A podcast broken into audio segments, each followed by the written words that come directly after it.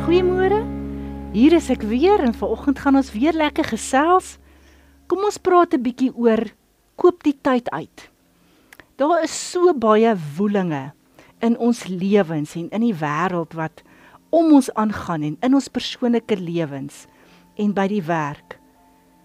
Maar in Efesiërs 5 vers 15 tot 17 staan daar: Wees baie versigtig hoe jy lewe maak die beste geleentheid van elke ding wat oor jou pad kom.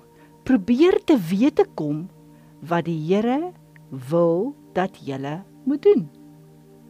So maak nie saak hoe jou dag verloop nie, hoe jy mekaar hy voel nie. Vra Jesus om jou te wys wat wil hy hê moet jy vandag spesifiek doen? Al het jy nou nou jou hele dag beplan en jou hele week beplan, wees spesifiek. Paulus sê ook ons moet versigtig wees. Leef soos mense wat weet wat God van 'n sinvolle lewe verwag en nie soos mense wat niks daarvan weet nie. Moenie jou tyd mors op goed wat nie gaan vrug dra en nie belangrik is nie.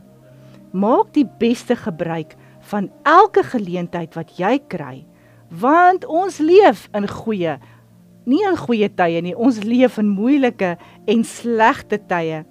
Moet dus nie jou lewe mors nie. Tydsgebruik is soos 'n rekening. Jou kredietkaart of die debietkaart en die toestand van die balansstaat hang van jou af.